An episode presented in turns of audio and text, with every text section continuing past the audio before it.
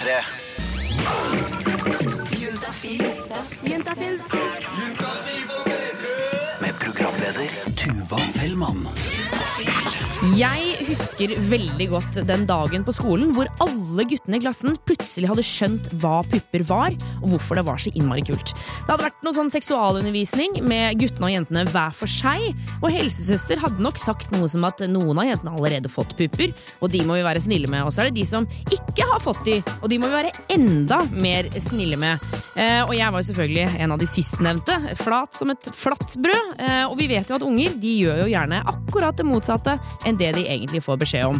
For rett etterpå så kom det da en gutt bort til meg i klassen, og så sier han sånn Da sto jeg sammen med mine venninner, og så lo vi og tøysa litt, og så sa han sånn Ja, hva er det du ler av, Tuva? Du har jo ikke fått pupper engang. Og i det sekundet så skjønte jeg hvor viktige disse dingsene som jeg ikke engang hadde fått, hvor det avgjørende de kommer til å bli de neste årene fremover. For herregud så mye fokus det er på de puppene. Både i tide og i utide. Men er de faktisk så avgjørende i voksen alder, eller er det bare sprøyt? Det skal vi prøve å finne ut av i dagens sending. I tillegg skal vi ta for oss noe for eh, gutta i dag, og da mener jeg på guttekroppen. Nemlig disse man-boobsa. Hva er det egentlig? Det skal du få vite straks, eller ja, i løpet av den neste timen her på P3. Jeg heter Tuva, pupper står på plakaten, og jeg gleder meg til å bli her fem til klokka åtte i kveld. På P3. Og nå er det sånn at pupper de er overalt. Enten om det er under tjukke ullgensere, helt løse og frie på en strand, eller kanskje presset frem i en trang liten svart kjole. Alle jenter har de. Hvorfor er de da så innmari spennende? Og jeg har fått eh, storfint besøk. Det er Andreas og Maren. Velkommen. Takk for det. Takk. Dere er 26 år begge to. Jeg er 26 også, så vi er litt sånn 26-årskalas i dag. Det liker jeg veldig godt. Um, Andreas, hvorfor er pupper så spennende? Pupper er spennende fordi fordi det er eh, For meg så er det jo noe ikke jeg har. Ja. Er det for det første? Ja, At, at det er litt rart sånn. Og så, altså, tror jeg jeg vokste opp igjen eh, jeg vokste opp eh, med pupper som noe sånn som skal være sexy og skal være skal være flott, da, og det skal være, liksom, representere kvinnen ja. på en eller annen måte. Og da blir det liksom litt spennende. Ja, jeg tror det. Maren, hva tenker du? Du har jo pupper. Ja, Eh, heldigvis. Jeg også, heldigvis. hva, hvorfor tror du gutter syns det er så spennende med pupper? Eh, jeg vet ikke helt. Jeg syns faktisk det er litt spennende sjøl. Ja, du gjør det? Ja, ja. Jeg kan stå og speile og liksom hm, ja, Det er fine pupper. Holder dem litt. Og... Ja, For du er fornøyd med dine pupper? Ja, absolutt. Ja, jeg må gi deg kompliment. De er veldig fine. Jeg ser det ikke gjennom skjorta, men de ser veldig pene ut. Ja. sånn stripping. men, men, eh, så du kan stå, liksom, stå i speilet og se på dine egne pupper og tenke sånn ah, Ja, ja. Herregud, liksom. ja, ja. Men hva med andre jenter? da? Kan du tenke at de har fine pupper?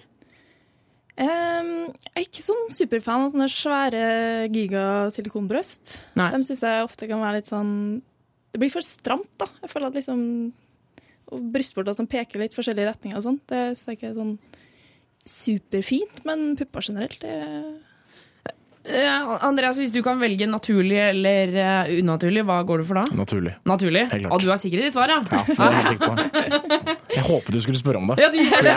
det. er- det syns jeg er litt Men fordi jeg føler at uh, Jeg vet ikke om det er sånn at gutter er så opptatt av pupper som vi ofte tenker. Det er akkurat som at gutter alltid er så innmari kåte. Jeg vet ikke om det er sant heller. Men er det sånn, kan du gå og tenke på pupper? Ja. Ja.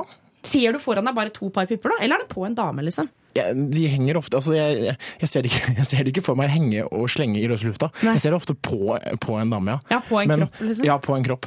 Uh, men eh, ja, jeg tenker på pupper. Jeg, tenker, jeg tror jeg tenker mye på pupper, egentlig. For det syns jeg er så merkelig. ja, hvert fall jeg vil tro at jeg gjør det. Ja, ok. Ja.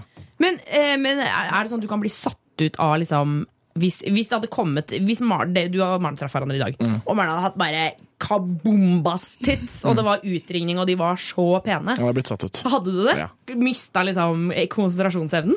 Ja, ja. sannsynligvis har jeg tenkt sånn at her er det et eller annet altså, det, altså, det kan bli for stort, sannsynligvis. Det, hvis du mente at det, at det kommer en med, med altfor store pupper, så tror jeg jeg altså, man, blir, fascinert av det òg, da. Ja, ikke sant. Um, Maren Andreas, Vi skal snakke mer med dere her i Juntafil. Vi skal få høre om første gang du Andreas, tok på pupper. Ja. Og Maren, når du fikk pupper. Det får du rett etter Rudimental Waiting All Night. Juntafil med Tuva Fellmann på på Og P3. jeg har fortsatt besøk i studio av Maren og Andreas, og vi snakker om pupper! Ja. Oh, noe av det beste som fins i verden, syns jeg. Ja. Eh, uten å være lesbisk engang. Eh, Maren, når var det du, altså, hva skjedde når du fikk pupper? Eh, det var vel i sjette klasse, tror jeg. Det var sånn 11-12 år. Hadde jo bygd seg opp til en sånn svær ting, da. Ja. Jeg drev jo og sang foran speilet og støffa det som var, med sokker og greier. Ja, Nedi, liksom, nedi mammas bh, på en måte? Og, ja, ja. Eh, Men det, det som først viste seg, var jo begynte jo med sånne små myggstikk. Ja. Men liksom en gang de kom, liksom bare kjertelen var litt øm, så bare yes! Nå er det bare å rake av egen og kjøpe seg bh. Ja. Og G-string i samme slengen, for nå var jeg voksen. Så Men eh, fant du noe bh? ja, jeg mener at den var Den var hvit, sånn bomullshvit med en del uh, kryss og sånne greier. Ja. Men jeg, jeg husker at den ikke var så stram. Den hang litt sånn på halv tolv. Det var vel ikke en hel full A engang, så det Du ble ikke redd, da? Redd. Ja, altså, plutselig, plutselig begynner det å vokse ut noe, noe rart. Tenk at det kommer horn! Eh, Jeg er blitt livredd. Nei, jo, jeg tenkte vel litt sånn Jeg drev vel liksom uh, Kjente at det her var litt sånn eh, rart. Eller sånn For det er jo en merkelig følelse, Ja, liksom. Jeg vet ikke om jeg hadde sett for meg en sånn full pupp med en gang, eller liksom Er det her det jeg skal få? Ja, får, Jeg mer. jeg. Det var ikke noe skummelt, tror jeg ikke, men det var litt sånn Men hvordan var du i forhold til resten av vennegjengen din? Var, var du først eller sist? Nei, jeg tror jeg var sånn midt imellom, og det var veldig greit. Oh, Fordi hun første som fikk, så hun var, hun var vel ganske høy òg, og litt sånn kraftig, og det var liksom alt skjedde på hun med en gang. Så det var sånn Hun fikk mye oppmerksomhet, både positiv og negativ, mens vi andre kunne liksom bare ja, Fly gjennom. vente litt. Ja. Eh, Andreas, når var det du fikk øynene opp for pupper? Når var det du skjønte liksom, at det der var noe kult? At jeg skjønte at det var mer enn eh, At det var noe. At det var mer enn at det var noe spent. liksom? Ja. Eh, Jeg, jeg tror kanskje jeg husker, jeg husker Når jeg skal prøve å tenke tilbake, så husker jeg en episode på, på barneskolen hvor det var en kamerat som hadde fått tak i noen pornoblader. Som jeg husker vi, vi gjemte i skogen under noen steiner på skoleveien på vei hjem. Eh, og, og så når vi gikk hjem, så gikk vi alltid innom der, så satt vi en time og bare stirra på pupper. For vi syntes alt det andre det var kjempeenkelt. Eller kjempeekkelt. Oh, ja, Men, liksom tissen og sånn? Ja, ja, nei, uff, det, det, var, det var ikke lov å Eller det ville vi ikke se på. Nei, nei, For det syntes vi bare var ekkelt. Og i hvert fall når det var barbert, syntes vi også var kjemperart. Men disse puppene var liksom sånn Det var, det var liksom sex, da. Vårt første møte med sex. Jeg blir, jeg blir litt sånn, Nå tenkte jeg sånn Shit, jeg må få meg pornoblad og se disse puppene, jeg også. Ja. Men- Så det husker jeg veldig veldig godt, og hvor ulovlig det var også. Ja. Samtidig den fascinasjonen av jeg husker jo ikke om jeg likte det, da. Men det var liksom, jeg skulle like det, jeg måtte like det. Og det var sexy. Ja. Eh, Hvordan var det første gang du tok på en puppe? Um, det tror jeg var på ungdomsskolen. Uh, for det var en, en jente der som ville bli tatt på puppene hele tida. Så hun ba oss gutta ta på puppene. Naturlig nok. er det innafor å gjøre? Så da, det, det husker jeg, jeg, jeg trodde det var, skulle være mykere enn det det egentlig var. da. Det var litt mer Det var ikke så Jeg trodde jeg tror jeg hadde en for- forhåpning om at det skulle bare være en, en sånn jevn, bløt uh, grøtkonsistens. Jeg vet ikke. Så jeg husker at det, var, var uventa idet jeg liksom tok på min første pupp. For det var liksom for, for hard, da, eller? Ja, hard jeg tror, Den er jo ikke knudrete, men da når jeg liksom forventa noe sånn silkemykt og, og helt jevnt, så ble det liksom sånn eh, Så ble det knudrete der og da, da. Men nå er jeg veldig glad da, for at, det ikke, at det ikke er sånn. Grøt. At det ikke er grøt. At det ikke bare renner mellom fingrene. Klistrer seg fast. Maren, har du tatt på pupper før? Eh, Bortsett fra mine egne. Ja. Har du tatt på venninners pupper eller noe sånt? Ja, det har jeg vel. Hva syns du, om- hva syns du om å ta på andres pupper? Nei, så lenge jeg får lov, så gjør jeg gjerne det. Men det gjør det, Ja, ja. Det er morsomt, det. Et eller annet med pupper som er sånn tiltalende. Jeg får sånn lyst til å ta på dem. Ja. Um, vi skal snakke mer om den perfekte pupp. Hva er det som skal til for at den er på plass? Er det liksom, skal den være svær eller liten, eller ja, bare midt imellom? Og brystvortene skal vi også innom. Men aller først så er det 20,000 Miles an Hour Girl. Miley Cyrus med låta 'Wrecking Ball', ett over halv seks her i Juntafil på NRK P3. Og eh, pupper de finnes i alle mulige fasonger. De er lange og store og korte og små og flate og det som er. Det fine er jo at alle liker forskjellige ting, eh, så hver eneste type elskes av noen der ute. Men her inne i studio så står Andreas og Maren, og vi skal finne ut hva dere elsker når det kommer til pupper. Em, Andreas, den perfekte pupp. Hvordan ser den ut? Den er enten stor eller sånn passe liten. Ok! Hva er det som er positivt med å ha, med å ha Altså, svær jeg- pupp, liksom? Jeg tror liksom den fascinasjonen der, det er det at Sikkert det at, at det er det som har vært min definisjon av, av sexy, da. Opp, opp mot den, den pornobladhistorien som jeg fortalte i stad. Eh, så, så tror jeg det at det, det er så Det er noe Det oser sex av det. Altså, og da tenker du sånn industripornosex, liksom? Er det det du tenker på? Ja, kanskje. Eller i hvert fall det, det er jo det sånn jeg, jeg tror flere og flere nå er- Det er var jo mitt første møte med sex. Det er jo ikke til å legge skjul på akkurat det. Slik at det har liksom blitt en sånn printa inn, inn at det er liksom blitt den idea, ideelle sexy dame, da. For meg. Eh, Marne, du er jo eh, heterofil, men, men allikevel syns du liksom sånne så store syns- Ser du på det som sexy, liksom? På samme måte som Andreas? Nei, jeg gjør vel ikke det. Jeg syns det blir litt sånn, det blir sånn wow. Det blir så voldsomt. Ja, men det må, ikke bli, det må ikke bli for voldsomt. Nei. Nå snakker jeg liksom om eh, altså, hvis, det, hvis, det er, hvis det er helt enormt, så er, så er det ikke fint. Men Ja, De liksom, som er liksom svære som altså, sånn faktiske meloner. Ja. Det kan vi Ja. bare konkludere Nei, med nei. at det er ikke noe fint. Nei, Altså. det er ikke Beklager. fint. Nei. Men, men liksom, hvis vi skal måle Hvis vi går til frukt, da. Ja. Er det liksom appelsiner? Er de da er de svære?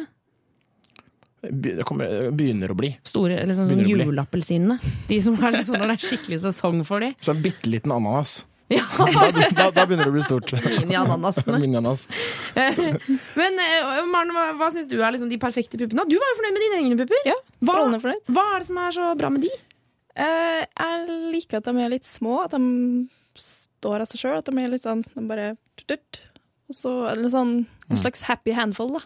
Du får den liksom akkurat i håndflata, så kan den liksom bare Ja, jeg vet ikke. Vri Altså, og leke med dem? Ja. Uh, jeg altså, syns ikke de er perfekt, men jeg syns de er fine. Jeg liker, Ja. liker dem. De er ålreit. Eh, Og Andreas, du sa jo det også, at med, med små pupper, det, er- det er fint det også. Ja, og som du forteller, altså, jeg syns også det om, om store pupper er fint, så syns jeg dette her er jo nesten enda bedre. Når du, når du står og forteller, så bare føler jeg puppene i hendene mine. uh, liksom, men jeg tror også det er, så, det er så estetisk flott også. Ja. Uh, så jeg er også enig i at det, det er kanskje det jeg tenker på også. Du spurte da om, om, om jeg ser for meg pupper, så tror jeg det er disse, disse som liksom er faste, og som du bare kan eh, bare holde og hvile. Altså det det syns jeg er innmari digg. Altså, Det er en puppefascinasjon her. Ja, jeg- jeg jeg tror det er oss hos alle tre. Ja. Uh, vet du hva? Uh, tusen takk for at dere kom innom Juntafil i dag, Maren og Andreas. Uh, det var veldig hyggelig å ha dere her. Eh, og lykke til videre ut i denne flotte, fine torsdagen. Jeg håper dere får tatt på pupper begge to. Eller altså, Andreas, at du får tatt på pupper, og. Maren at du blir tatt på puppene. Takk for det. håper jeg òg. Det satser vi på. Vi krysser fingrene.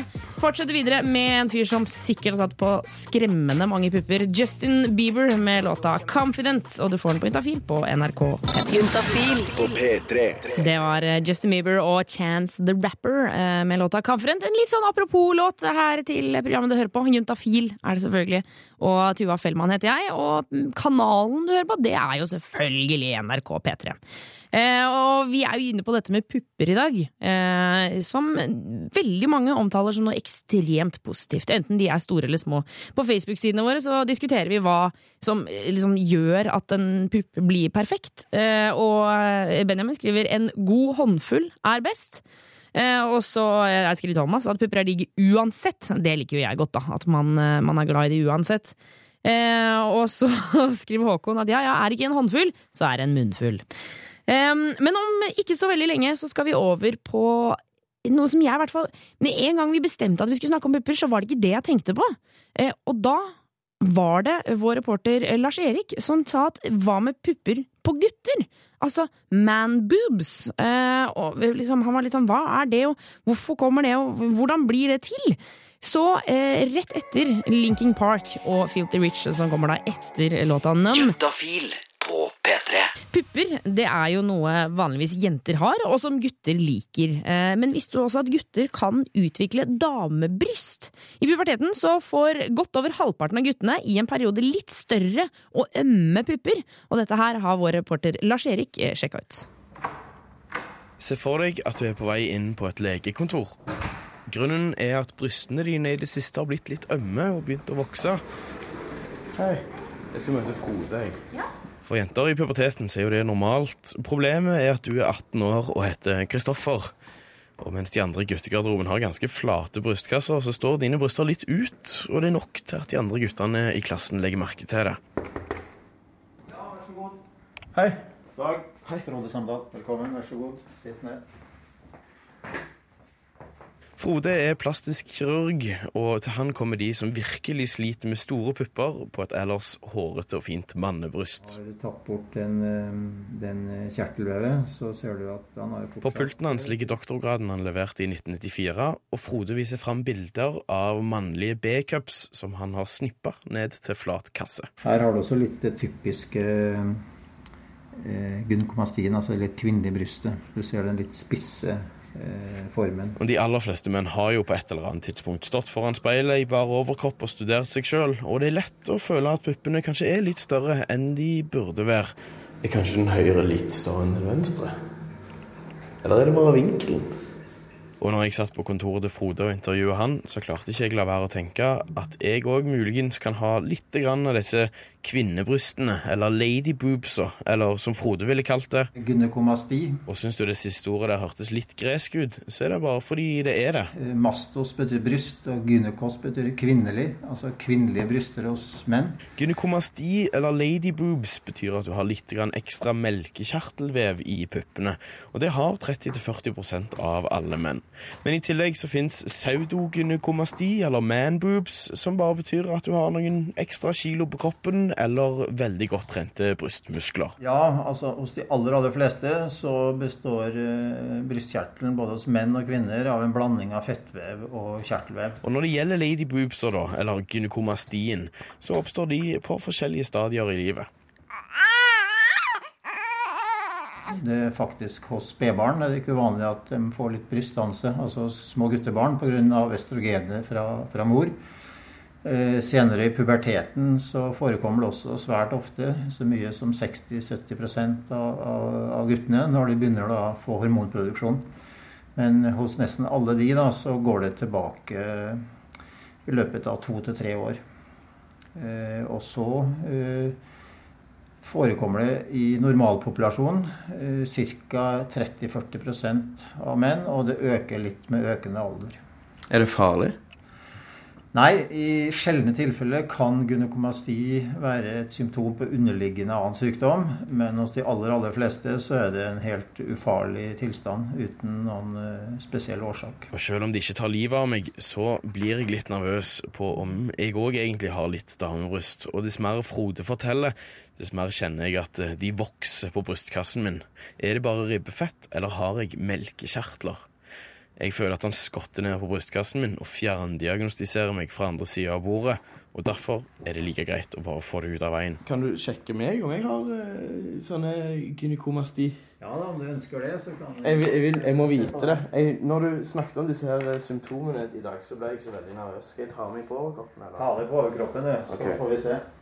Og om vår reporter Lars Erik har gynekopasti, og hvordan man eventuelt kan unngå det, det får du straks høre. Men aller først Icona Pop. Låta den heter All Night. Juntafil Icona P3. Pop, All Night, kort og deilig. Litt som et eh, gjennomsnittlig samleie. Eh, Du fikk den her på Juntafil på NRK P3.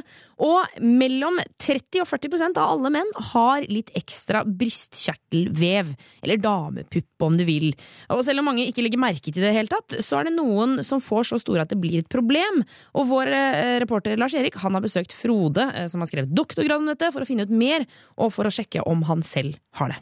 Skal vi se om du slapper helt av og står rett opp, og så ser du rett fram. Frode har dratt for gardinene og står i sin grønne legetunika og klemmer meg på puppen. Det er litt kaldt, veldig snålt og ganske skummelt. Det føles jo litt som det er manndommen min som står på spill. Syns du, når du ser på disse brystene, hva tenker du da? Tidligere prata Frode om årsaker til at ladyboobs eller gynekomasti kan oppstå, og jeg spoler tilbake samtalen i hodet for å se om noen av de gjelder meg. Ja, eh, i over 90% av tilfellene så er det ingen grunn, altså ingen kjent grunn. Eh, Men hos en liten gruppe kan det være forårsaket av f.eks. av eh, misbruk av alkohol, for stort alkoholforbruk. Man ser det også relativt hyppig hos de som eh, bruker hasj og marihuana.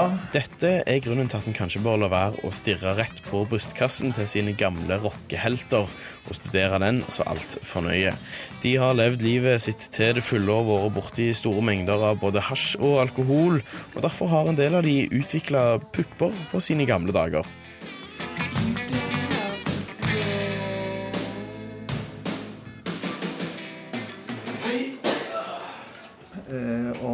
Kan eh, også en stor gruppe da, er bodybuildere som er da på, bruker anabole steroider, som da utvikler eh, da, typisk vekst av brystkjertelvevet.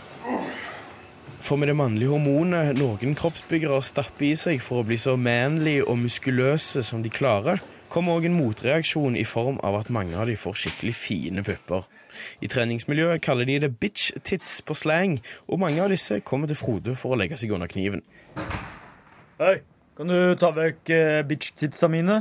Kan det hende at de etter hvert begynner å produsere melk?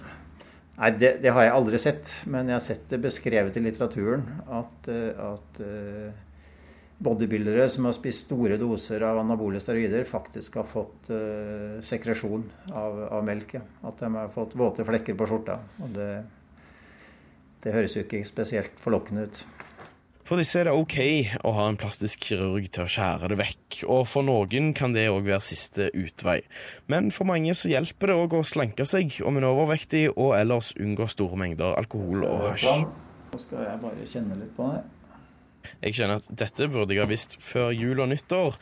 Da ble det både ekstra feit mat og en del alkohol. Det er for seint nå, og Frode er ferdig med å boobgrabbe meg. Og dommen over mine pupper Ja, du har jo volumet av brystene ditt er vel kanskje litt forøket. Men er det pga. denne maven, eller Ja. er det pga. kvinnelig Ja, ho- hos deg så du har vel kanskje noen kilo mer enn du strengt tatt behøver. eh, Og da ser vi jo at, eh, at, eh, at noe av det underhudsfettet da legger seg også i brystpartiet. Men er det en kvinnebryst? Nei, jeg vil vel kanskje egentlig ikke si det. Men, men eh, det er klart at eh, om du gikk ned noen kilo vekt, så tror jeg nok også at mye av de her tendensen til litt brystdannelse ville forsvinne hos deg. Ja, okay. Men, men jeg kan eh, med sikkerhet ikke si hvorvidt du også har en kjertelkomponent av betydning, eller om det vesentlige fettet oppdager man gjerne først ved, ved en operasjon. Med andre ord har jeg gynekomasti, muligens, men for å være helt ærlig så har jeg ikke stressa med det så mye før i dag. Kanskje jeg en del av de 30-40 prosentene av norske menn som har litt ekstra kjertelvev, men noen stor utfordring i hverdagen, det er det ikke. Og er du ikke sjenert av det, så finnes det overhodet ingen grunn til å gjøre noe med det heller.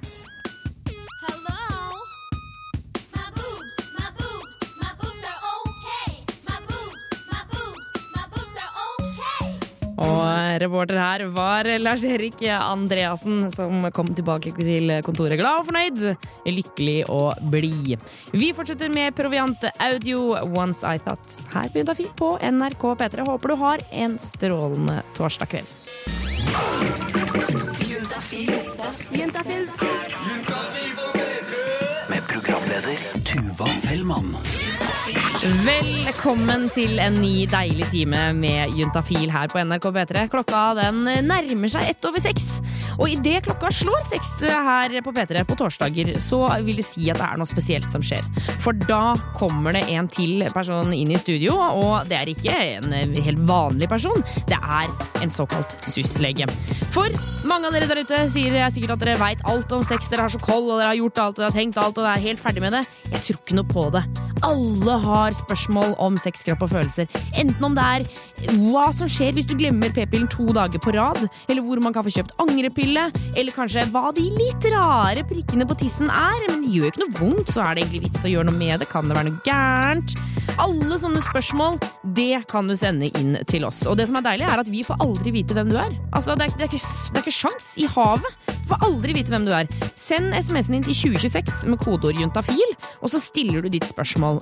Og så husk å ta med kjønn og alder. Og da har du garantert svar her på lufta eller på SMS i løpet av morgendagen, og spør om hva du vil når det kommer til sex, kropp og følelser.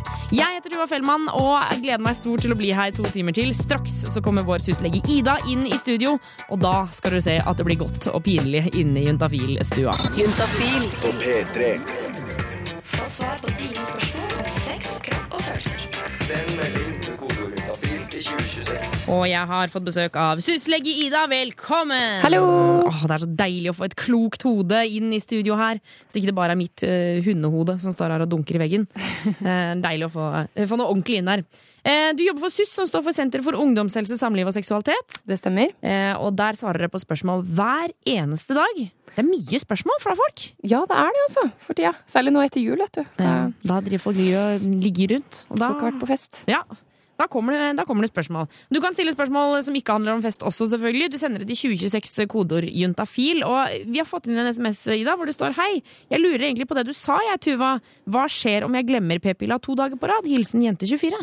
Ja, eh, det jeg kan si om det, er at eh, hun vil, hvis hun spør noen om det, så vil hun få litt forskjellige svar, avhengig av hvor hun spør. Oi, er det sant? Ja, fordi Hei, så skummelt! Nei, men, men det er egentlig det at for eksempel i pakningsvedlegget til p-pillene, så er de veldig, rest, altså de er veldig strenge, da. Eh, Med hvor mange du kan glemme og sånn. Og det er for at produsenten av p-pillene skal ha sitt på det tørre. Ja. Så de er veldig sånn, de passer veldig på. Eh, Men så har man gjort en del forskning på dette. Eh, Og vi på SUS vi er ganske oppdatert på den forskningen, og vi følger Verdens helseorganisasjon sine glemmeregler. Ok. Eh, Og på noen p-piller da, så kan du glemme litt flere da enn det som står i pakningsvedlegget. Å ja, så, men det er akkurat som når melka går ut på dato, så den, mest sannsynlig så er den jo bra dagen etter. Men det er, ikke alle som, altså, men det er lurt å ikke ta sjansen, på en måte. Ja, ikke sant. Uh, ja, og så er det litt sånn hvem som skal ha sitt på det tørre og regler og alt mulig sånn Ja. som folk forholder seg til. Men, uh, Men også er det jo forskjellig fra pillemerke til pillemerke, er det ikke det? nettopp. Det er det det er, nemlig. Fordi på de aller fleste p-piller som inneholder østrogen, Mm. uh, eller på de fleste p-piller som inneholder østrogen, så kan du glemme én i løpet av brettet. Men hva gjør man da? Si nå. Jeg går på p-piller. I morgen glemmer jeg pilla mi. Hva gjør Ja. jeg på lørdag? Skal jeg ta to? Da tar du to. Da tar jeg to. Ja. Ok, ok, ok. ok. Fordi altså, aller helst skal du selvfølgelig ikke glemme i det hele tatt. Nei, nei. nei. Men, men det er på en måte ikke sånn at man må springe til butikken og ordne seg en angrepille hvis man har glemt én. Eh, problemet blir når du begynner å glemme flere, for da er det veldig forskjellig også fra merke til merke da, hvor mange man kan glemme. Um, Ja, og da tenker du flere sånn to dager på rad? Eller er det sånn hvis jeg, glemt, hvis jeg glemmer én denne uka, altså én neste uke? Ja, det også. Da blir, Begge det deler. da blir det hull, liksom? Ja. Men det er noen p-pillemerker du kan glemme mer enn én. Eh, men det må man på en måte ikke uten videre ta sjansen på. Da bør man snakke med en fagperson. da. Man kan ringe SUS, eksempel. Og så tenker jeg, Hvis du stadig vekk glemmer p-pillene dine, så tenker jeg, da kanskje det er lurt å begynne på et annet prevensjonsmiddel? Veldig, veldig sant. Fordi det fins en del gode prevensjonsmidler som du slipper å tenke på. Eh, For eksempel eh, p-stav og p-spiral. Ja. P-stav, det, er sånn du, det, det høres så dramatisk ut, men det er bare at man bare setter den inn i armen, under, under huden, som en liten chip. Det er som en liten chip i huden. Sånn det, som kan, det er på fremtidsfilmer. det kan alle fastleger gjøre. Og der sitter den i, ligger den i tre år og bare frigir hormoner, og du trenger ikke tenke på noe som helst. Nettopp. Um, Jente24, lykke til. Eller det var vel egentlig ikke noe det var ikke, Jeg tror ikke hun hadde glemt de. Hun bare lurte på hva som skjedde hvis hun glemte Ja. det. En viktig ting til. Hvis Ja. du går på minipille, kan du ikke glemme. Nei, nettopp for minipille. Og det skal du gjerne ta samtidig, altså likt tidspunkt hver dag, skal du ikke det? Eh, For noen, men for Saracet, da, som er den vanligste minipillen, så må du bare ikke gå over tolv timer fra det tidspunktet du pleier å ta den. da. Ok. Få svar på dine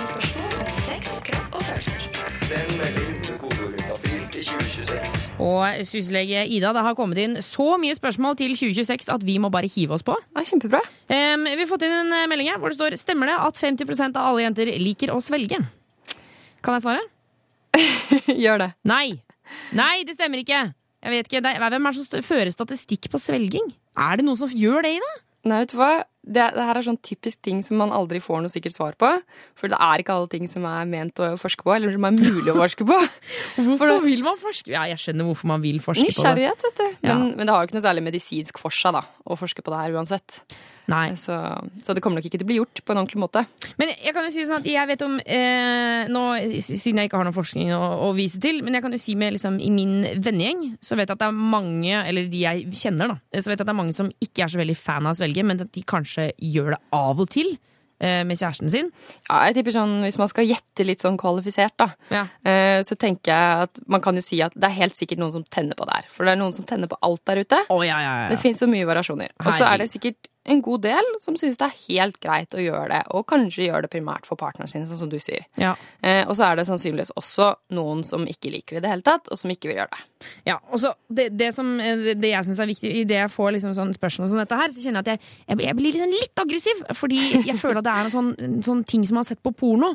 At jenter liksom, der ligger de på liksom, spri i beina, og de får sperm i munnen, og de bare ah, så jævlig deilig', og så er det sånn Det er jo ikke sånn, da! Er det? Nei, man må være veldig klar over at eh, porno er eh, formet litt av at det skal appellere til menn, da, og da har man en eller annen idé om at alle menn syns det er veldig fantastisk hvis damer liker sånne ting, eksempel. Ja. Så det reflekterer ikke helt, helt virkeligheten der ute. Ja. Så eh, hvis du har lyst til at kjæresten eller jenta du ligger med, skal svelge, så kanskje spør først, ikke bare tøm deg i henne. Spør. Spør, ja. Og tål et nei. Nei er nei. Eh, Vi har fått en melding til. Pikken min blir ikke stiv når jeg får meg et nummer på fylla. Hva er problemet? Jeg er vel ikke homo? Hilsen gutt 23. Nei, jeg tror ikke han er homo. det, er, eh, det her er et kjempevanlig problem. Eh, alkohol eh, har den effekten at eh, det hemmer annet de refleksene som hjernen sender ut når, for å få penis stiv. Ja. Eh, så det er typisk har man drukket for mye, så er det vanskeligere å få den opp, og det er vanskeligere å komme, og det er vanskelig for jenter å bli våte. Eh, så alkohol pluss sex er, kan veldig ofte være en dårlig idé. Ja, det Kan selvfølgelig funke òg. kan ofte bli mye klønning. Ja. Homofili, det er jo definisjonen på det, er jo at man er seksuelt tiltrukket av eller blir forelsket i samme kjønn. Ja. Så det er jo noe helt på siden, da, egentlig, av det han spør om. Ja, det har jeg i utgangspunktet. Så hvis du blir liksom stiv av jenter når du ikke er full, så blir du jo det. Eh, Da blir du vi- stiv av jenter. Ja, og hvis du blir stiv av gutter, så blir du stiv av gutter. Nettopp. Da er det ikke sikkert at du blir det på fylla uansett. Det er veldig enkelt. Eh, men så lenge, vi, vi kan jo bare slenge til til gutt 23 høst, eh, hvis du skal få deg et nummer på fylla, så husk å bruke kondom. Ja, veldig, veldig viktig, og noe veldig mange glemmer når de er på fylla. Ja. Og ellers. Det er verdt altså den lille kålinga, den lille ekstra kålinga. eh, Hvor det er litt sånn Vi, vi veit jo det er klønete. Å, vi må finne den, og vi må ta den på. Men det er så verdt det når det først er ferdig. Og det er begges ansvar. Yes, begges ansvar.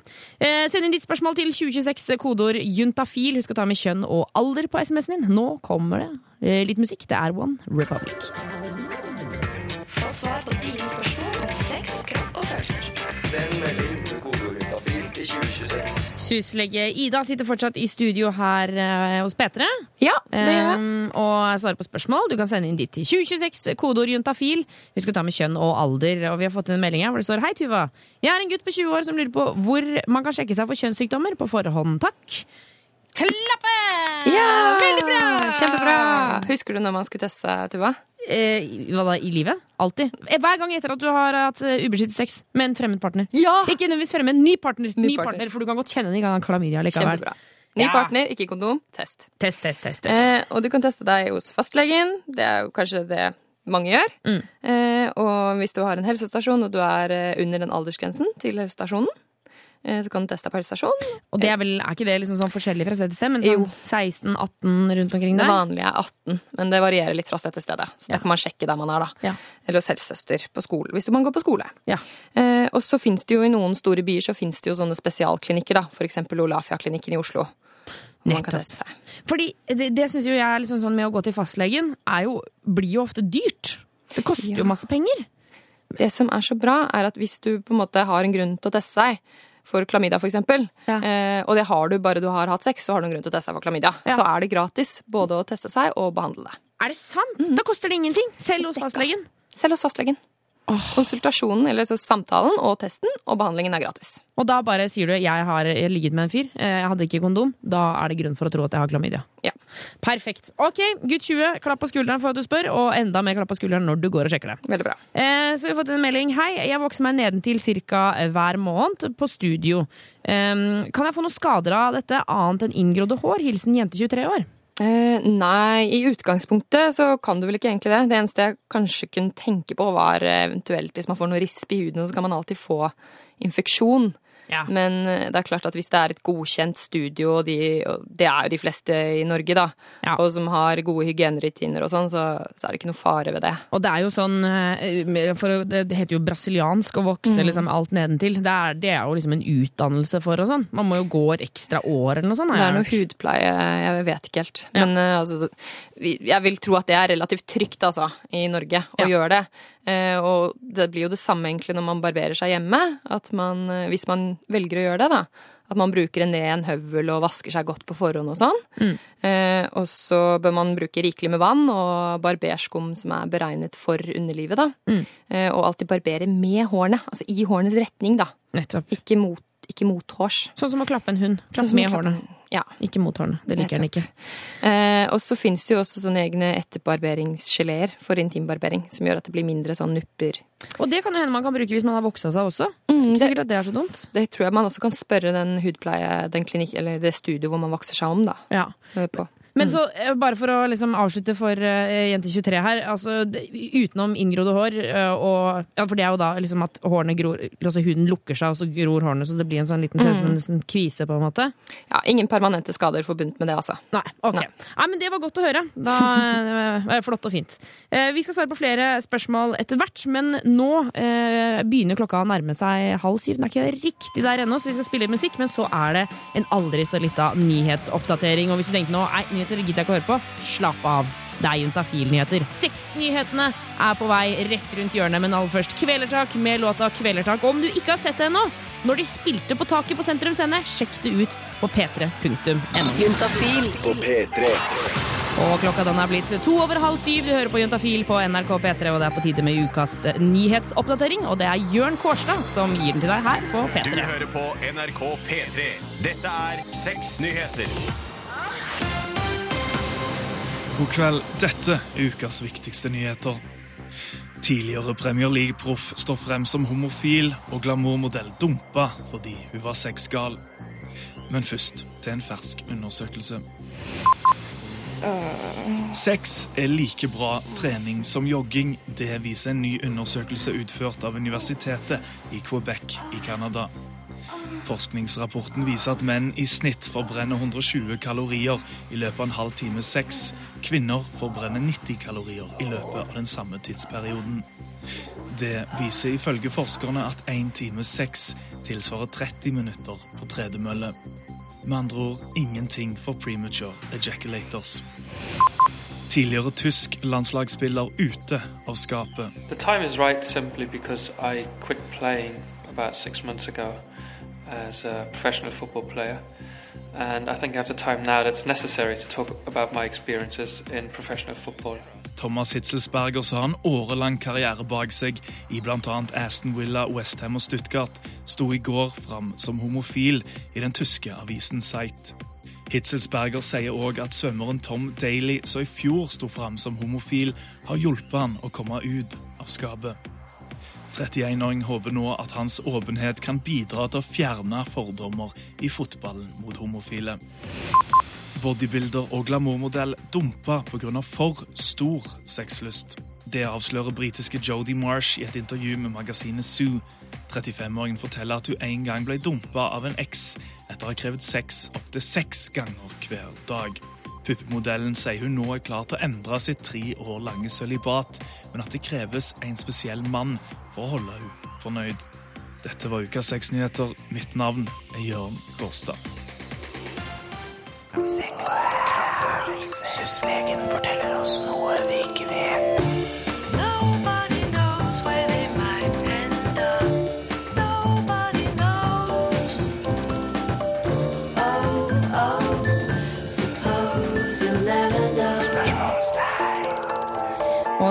Oss klokere, det er jo selvfølgelig syslege Ida. For eh, Ida, du er jo eh, liksom uh, gått legeskolen, eller hva det heter.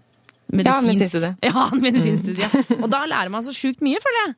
Eh, Så du sitter inne med informasjon som jeg liker å bare dra ut som en liten tråd av hodet ditt. Ja, vi får håpe det, da. Ja, hva, hva er det du kan fortelle oss som jeg mest sannsynlig ikke veit om fra før?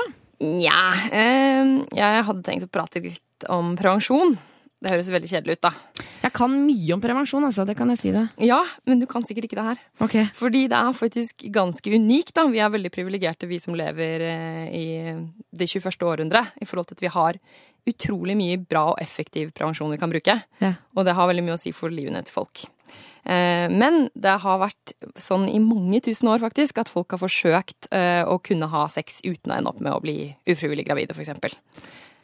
Så det vil si at det fins prevensjonsmidler. Man, har liksom sett i litteraturen da, at det da fantes prevensjonsmidler helt tilbake til sånn 4000 år siden. Oldtidens Egypt. Hæ? Hvordan? Ja. Ja, ok. Det var, ok, nå er jeg spent, kjenner jeg. Hieroglyfer og sånn, vet du. Så, der har det vært alt fra Man har funnet alt fra at folk har spist og drukket ting, da. Eh, både for å liksom redusere fertiliteten og som abortmidler. For eksempel eh, i det gamle Hellas så brukte de granateple. Ok. Um, er det, man tar jo ikke abort av granateple, gjør man det? Det spørs nok, det, altså. Ja, Det tviler jeg veldig sterkt på. Man trodde det, da. Oh, ja. um, og i Kina så drakk de Det var en kur som var å drikke varm olje blandet med kvikksølv for å bli steril. Hæ, det er jo dritfarlig! Ja, det er dritfarlig. Det er jo, altså, det er jo megafarlig. Det funka sikkert.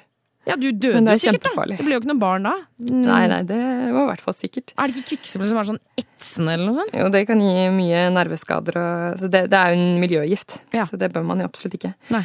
Eh, og så har man puttet ting opp i skjeden, eh, og da alt fra sitronskall og eddik. Og i det gamle Egypt så brukte man eh, honning og krokodillebæsj som pessar. Altså, jeg vet ikke hva jeg skal si engang.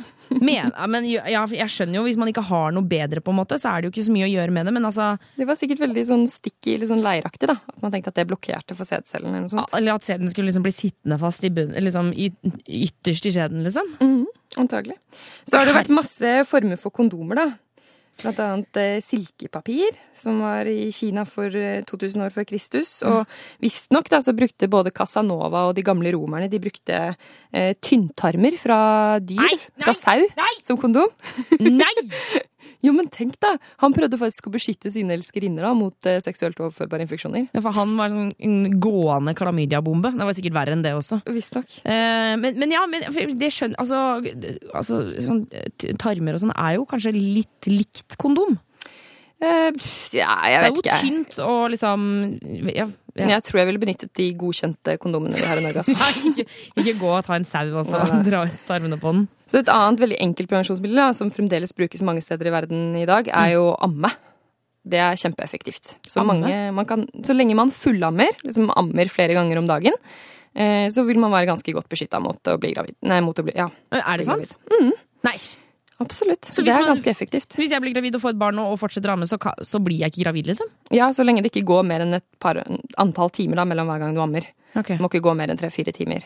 Men det er viktig det... å ikke få noe inn i hodet nå, dere som hører på, og tenke sånn Hvis jeg bare får et barn og ammer, så slipper jeg å bruke p-piller. Eh, Ikke gjør det. Ikke gjør det. Men det, er- men det er veldig aktuelt i u-land, for eksempel, da. Så hvor det ikke er så god tilgang på prevensjonsmidler. Men her i Norge så slipper vi heldigvis å, å tenke på alle de tingene, for vi har utrolig mye, mye effektivt å velge mellom. Og vi har jo, sånn som vi snakket om litt tidligere i programmet, òg, vi har jo sånn p-stav og p-spiral som sitter i mange år, som du slipper å tenke på. Så det fins absolutt ingen unnskyldning da, for å ikke finne en god prevensjon som passer for deg. Ida, vi avslutter med det. Tusen takk skal du ha. Det var fint å høre. Det er ingen grunn for å ikke bruke gode prevensjonsmidler. Få svar på dine spørsmål om sex, kropp og følelser.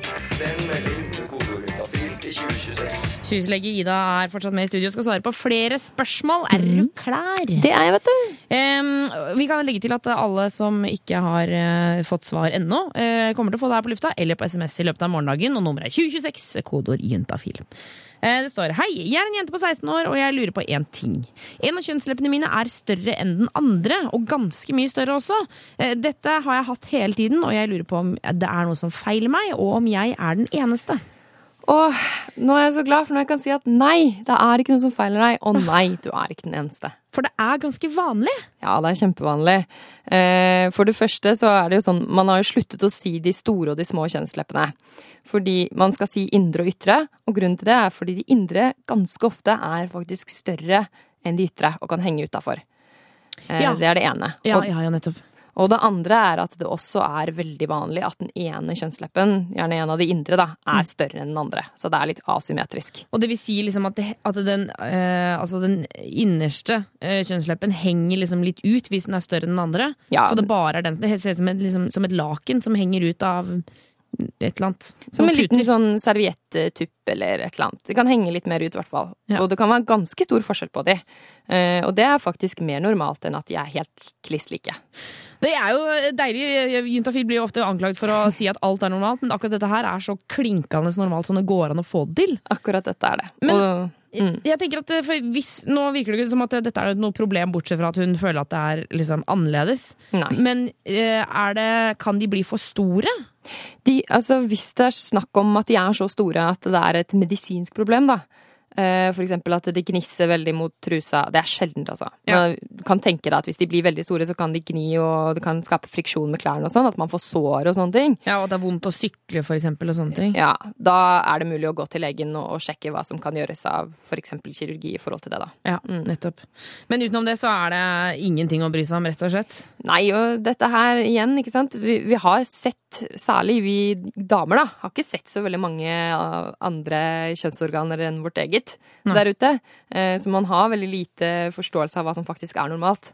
Eh, Så mens de mennene hun møter, det spørs jo hvilke menn hun møter, da, har antagelig sett en del eh, damer og vil vite at det, det er veldig stor variasjon. Ja. Og det er, dette her er veldig noe som man føler på veldig selv, da, men som ikke betyr noe for den eventuelle partneren som hun har eller møter, eller Nei, for det får vi jo ofte eh, liksom tilbakemeldinger her på Juntafil om fra gutter som syns det er veldig deilig med store kjønnslepper. Eh, Ah. At eh, for, altså, var blant annet en som skrev til oss for en stund siden at han syntes det var så deilig, for det var akkurat som å liksom Jeg kan jo tenke meg, for en gutt å liksom komme inn i en jente, så må det jo være som å liksom dytte tissen inn i en sånn pu, deilig sånn myk puteglissete greie. trekke gardinene fra hverandre. Tre- Ja, ikke sant? Også, og da skrev han at når de er større, da liksom blir følelsen enda bedre. Idet man liksom går inn der, da. Ser du. Eh, Så da kan jeg, jeg jo, må bare se dette som en positiv greie. Ja, jeg, jeg tror ikke det der spiller så veldig stor rolle for nytelsen. eh, Jeg, jeg, jeg tror det funker ganske bra uansett. Det er ikke det det kommer an på, liksom. Nei. Er det heller rytmen eller noe annet, eller kjemien eller noe sånn eh, Pakka. Pakka. Få svar på dine spørsmål om sex, kropp og følelser. Send melding til kodeordet til 2026. Og eh, Sysle Gida, du skal få svare på eh, et lite spørsmål til før du drar av gårde. Em, men du som hører på, kan fortsette å sende SMS til 2026 kodeord juntafil, for i tillegg til Ida så sitter det en haug, en drøss med syslegger på datamaskiner inne på kontoret og svarer. De skriver i vei. Ja, de skriver så blodet spruter. Det er ikke så ille, tror jeg, men eh, de holder i hvert fall på. Eh, Og du har garantert svar i løpet av morgendagen på SMS, og du kan fortsette hele kvelden eh, bare fyr løs. Men nå har vi fått en, en ganske lang melding her, Ida. Er du klar? Jepp.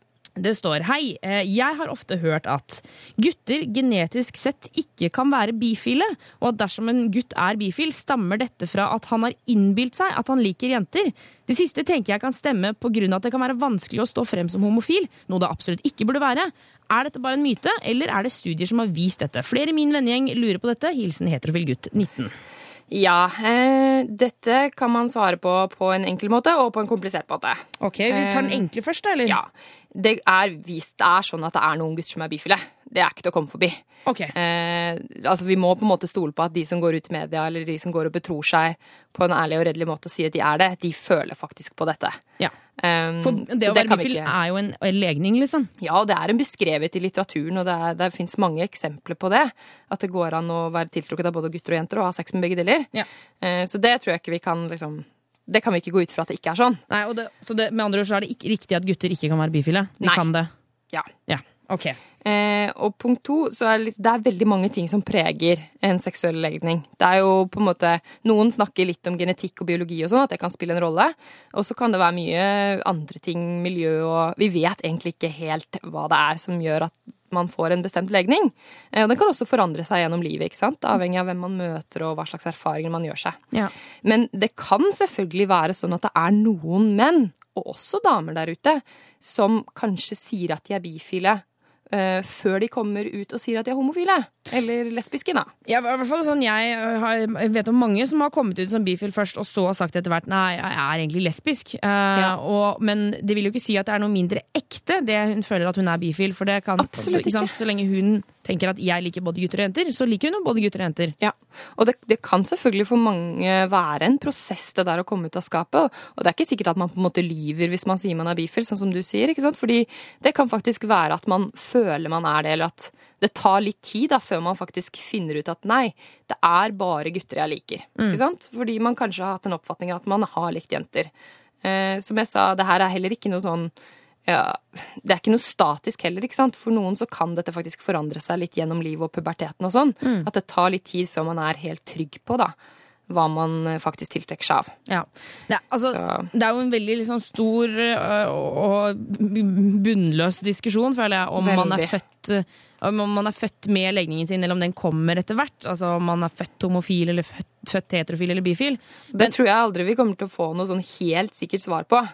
Men det som er ganske sikkert, er at du er den du er. Ja. Og du må faktisk, når du møter folk der ute, så må du møte dem ut fra hva de oppfatter og føler seg som. Ja.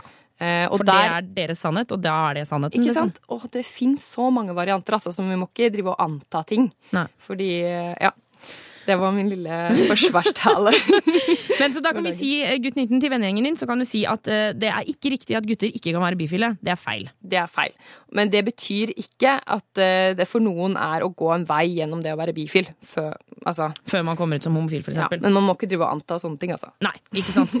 um, Syslege Ida, tusen takk for at du kom innom Juntafil i dag. Bare hyggelig å være her. Uh, og så får du ha en strålende kveld videre. I like måte. Og vi fortsetter med strålende musikk. Og det er norsk musikk. Shy for sure. Og låta den heter Then The Heartbreak på Juntafil. P3.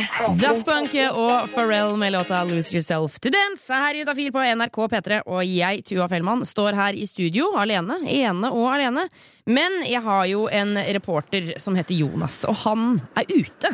Hei, Jonas. Det kan være farlig det, å miste seg selv til dansen. Fordi eh, da kan du plutselig befinne deg liksom i en farlig situasjon.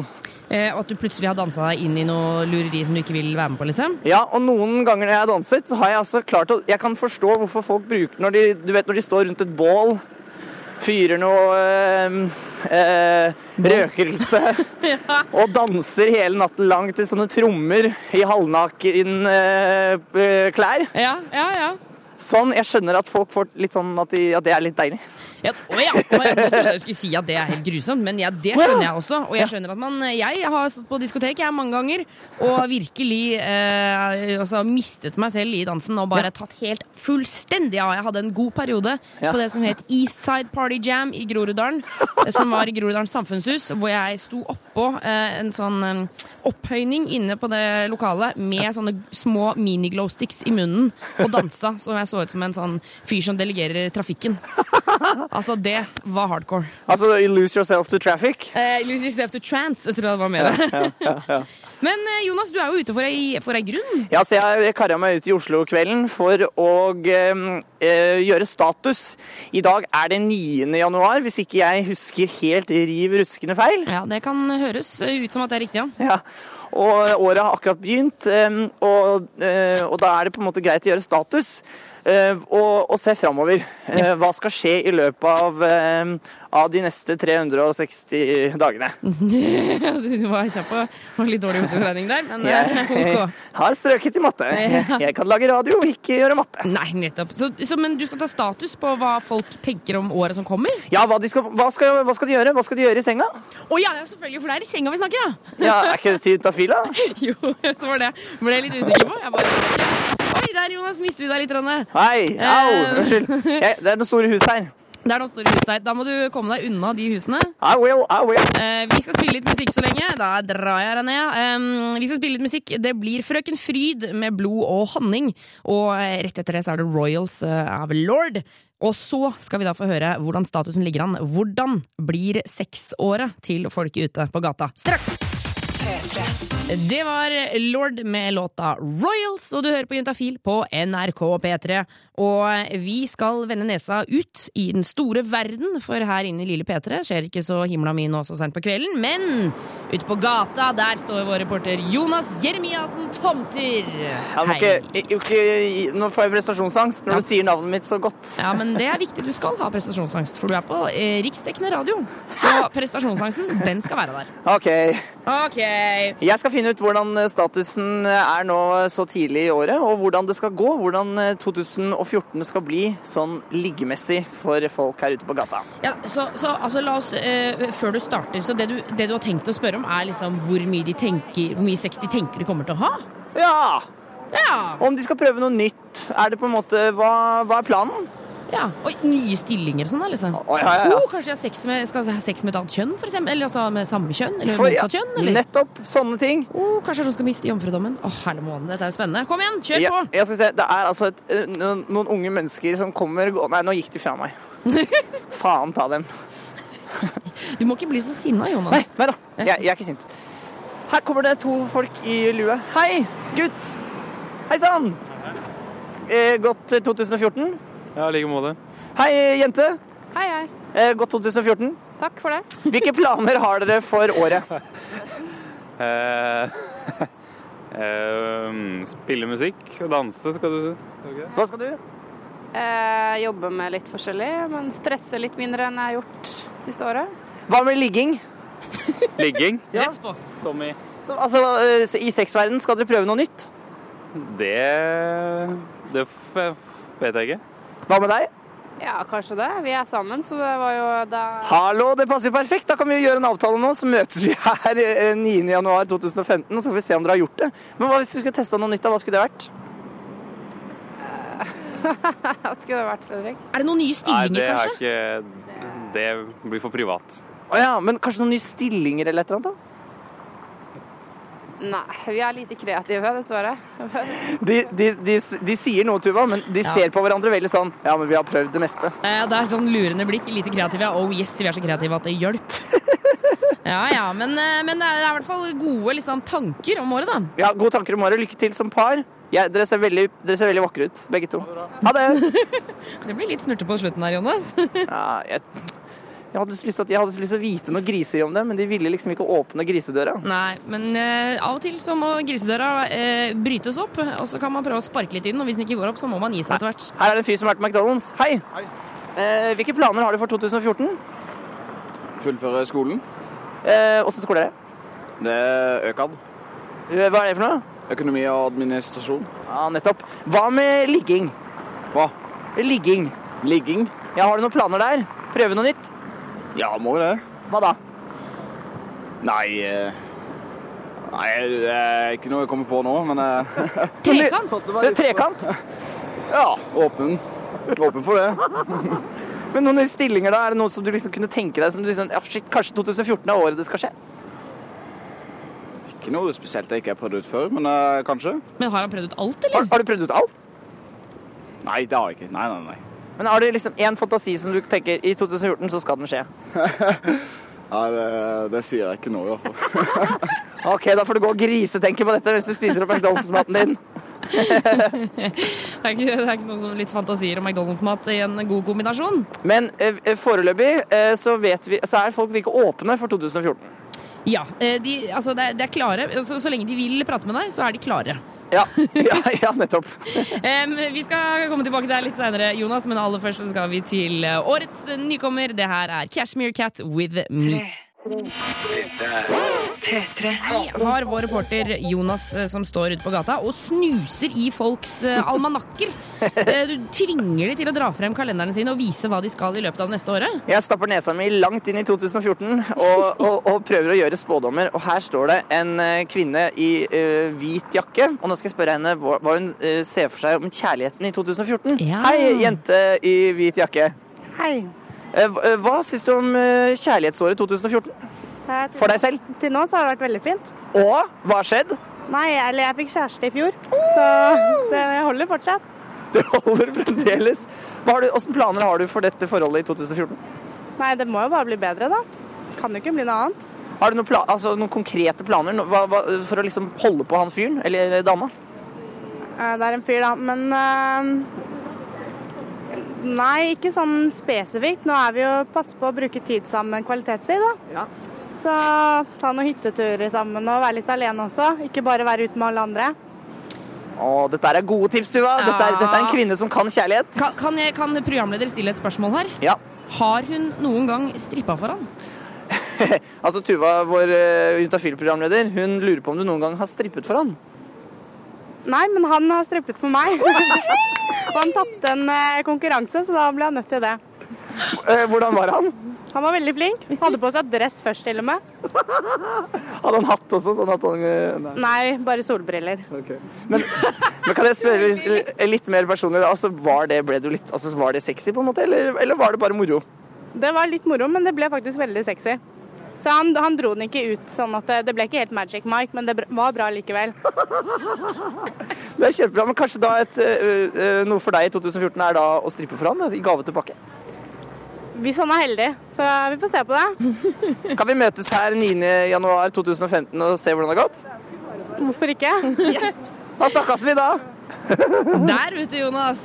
Stripping, ja. Kanskje det er det man skal satse på dette året. Ja, der kom kjæresten! Nei, det er stripperen! Å, det er ikke kjæresten! det er ikke kjæresten. nei. det var ikke stripperen. Det Magic Mike. Hun ristet på hodet. Nei, nei, det er en venn, det er en venn. Saklig, det er det hun sier nå. Det er bare for at hun ikke vil at vi skal få vite. Tenk så gøy om kjæresten hadde kommet. Da skal jeg få til å strippe, ass. Oh, yes. Du, kjærlighetsåret for denne vakre kvinnen i hvit uh, jakke. Det var veldig Altså, dette ble jeg litt sjalu på, jeg. Ja, det var eh, roser i lufta der, altså. Absolutt. Hun smilte hele tiden når hun snakka om han også. Å, så cute. Men det er jo ikke sånn for alle. Er det noen flere der folk der som du kan høre med planen om? Ja, eller? skal vi se. Hei, du, hei. Eh, hvordan er kjærlighetsåret 2014, tror du? Eh, bra. Og? Ja. Har du kjæreste? Det har jeg. Ah, da må du gå videre, for vi trenger noen som ikke har det. Orker ikke mer kjæresteprat nå. Jeg liker at du bare sender folk bort. Hei, du mann i, i jakke. Hei. Hei. Hvordan, hva tror du om kjæresteåret 2014? Jeg tror det blir dritbra. Nei, men fader, da! Men har du kjæreste? Jeg har det. Faen! Men Spør okay. hvor lenge de har vært sammen, da. Hvor lenge har dere vært sammen? Eh, begynner vel å nærme seg et par år. Men helle måned. Ok, Så dere er forelska og lykkelige? Og... Ja, veldig. Det er bra, det, da, men nå, nå ville vi snakke med noen som var single nå, da. Jeg går fra han. Orker ikke å snakke med han. Er du en aggressiv reporter, eh, Jonas? Ja, ja, alle kan ikke være lykkelige. Nei, det er sant. Det er sant. OK, du får én sjanse til. Å ja. Hei, du! Hva tror du om kjærlighetsåret 2014? Jeg tror det blir bra, jeg. Eh, Har du kjæreste? Nei. Nettopp! Hvordan eh, Skal du få deg det, eller vil du bare rote rundt som du har gjort det vanlig? Eh, begge deler. Først Det skal, er du, ikke innafor. først skal du rote rundt, og så få kjæreste? Eh, først skal jeg få kjæreste, og så skal jeg rote rundt. Hei! Det er dårlig gjort, da. Nei, jeg tror det er greit, jeg. Ok, en rar plan, men lykke til med det. God 2014 med en liten Louis Vuitton-veska hans. Han hadde, han hadde veldig, veldig fin veske. Ja, ja, ja, ja. OK, Jonas. Vi har fått eh, tatt statusrapport. Folk skal prøve ut eh, nye stillinger. De har kjærester, og de skal få kjærester og ligge rundt etterkant. Ja, og jeg skal jo møte hun derre dama i, i, neste år. Om et år, ja. Så det blir jo det blir absolutt spennende. Eh, Det er bare å holde seg her på kanalen enn så lenge. Eh, Det er bare Et eh, et par hundre dager til. Jonas, eh, tusen takk skal du ha. Bare hyggelig, du. Juntafil på P3. Jeg har alltid vært veldig glad i meg selv, og de selvbillettene er da et uttrykk for en, kan man si, en selvglede. Nå er det din mulighet til å gjette norske kjendisers favorittkroppsdel. Jeg har alltid vært veldig glad i meg selv. Og eh, dette er jo en eh, konkurranse selvfølgelig som du kan bli med på. Det eneste du skal gjøre, det er å sende en SMS til 1987, kodeord P3. Eh, og så skal du være med å tippe hvilken kroppsdel som straks skal bli beskrevet her. Du må også ta med fullt navn og adresse, for hvis du blir trukket ut som vinner, hvis du tipper rett og blir trukket ut, da vinner du Juntafil-kondomer. De er altså så flotte og fine. Og vet du hva? Bare fordi jeg føler meg litt sånn ekstra sånn litt på tipp topp humør i dag, så skal jeg slenge med en P3-T-skjorte også, så da blir det full pakke. Eh, Da kan du både sjarmere med T-skjorta, og så trekke frem kondomen etterpå og få hold in one, holdt jeg på å si. Eh, greia er i hvert fall at du skal være med å tippe 1987 kodeord P3 med hvilken kroppsdel som blir beskrevet, eh, og navn og adresse. Dagens kjendis, det er Birger Vestmo, mannen som du kjenner fra Filmpolitiet. Han er en hyggelig kar, og i dag så dro jeg tak i han og sa kom da, nå må du være med på Juntafil. Så nå kan du altså være med. 1987 kodeord P3. Hva er dette her for noe? Hei, det her er Birger Vestmo fra Filmpolitiet her på P3. Min favorittkroppsdel har de aller fleste to stykk av. Du kan eh, se dem hvis du bøyer hodet litt eh, nedover. Det kan være hår på, men det behøver ikke være det. De kan være tjukke de kan være tynne, korte og lange. Brukes i det daglige, kan være sterke, som regel er de det, men kan også være litt skjelvende i spesifikke situasjoner. Så hvilken kroppsdel snakker jeg om? Og hvis du veit det, så sender du altså eh, til 1987 kodeord P3 med navn og adresse, så er det med i trekningen av Juntafil-kondomer og en P3-T-skjorte. Du skal få to hele låter på deg, så du kan få tenkt deg godt om. Og jeg- skal jo være ærlig, det er lov å tippe flere ganger. Så fyr løs 1987, kodeord P3, CLMD og straks Blood Orange her på P3.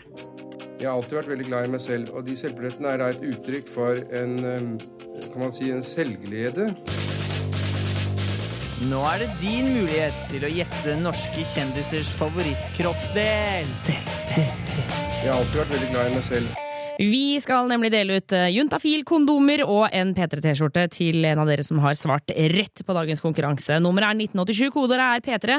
Ta med navn og adresse. Og det du skal gjette på, det er hvilken kroppsdel som blir beskrevet her. Hei, det her er Birger Vestmo fra Filmpolitiet her på P3. Min favorittkroppsdel har de aller fleste, to stykk av. Du kan eh, se dem hvis du bøyer hodet litt eh, nedover. Det kan være hår på, men det behøver ikke være det. De kan være tjukke, de kan være tynne, korte og lange.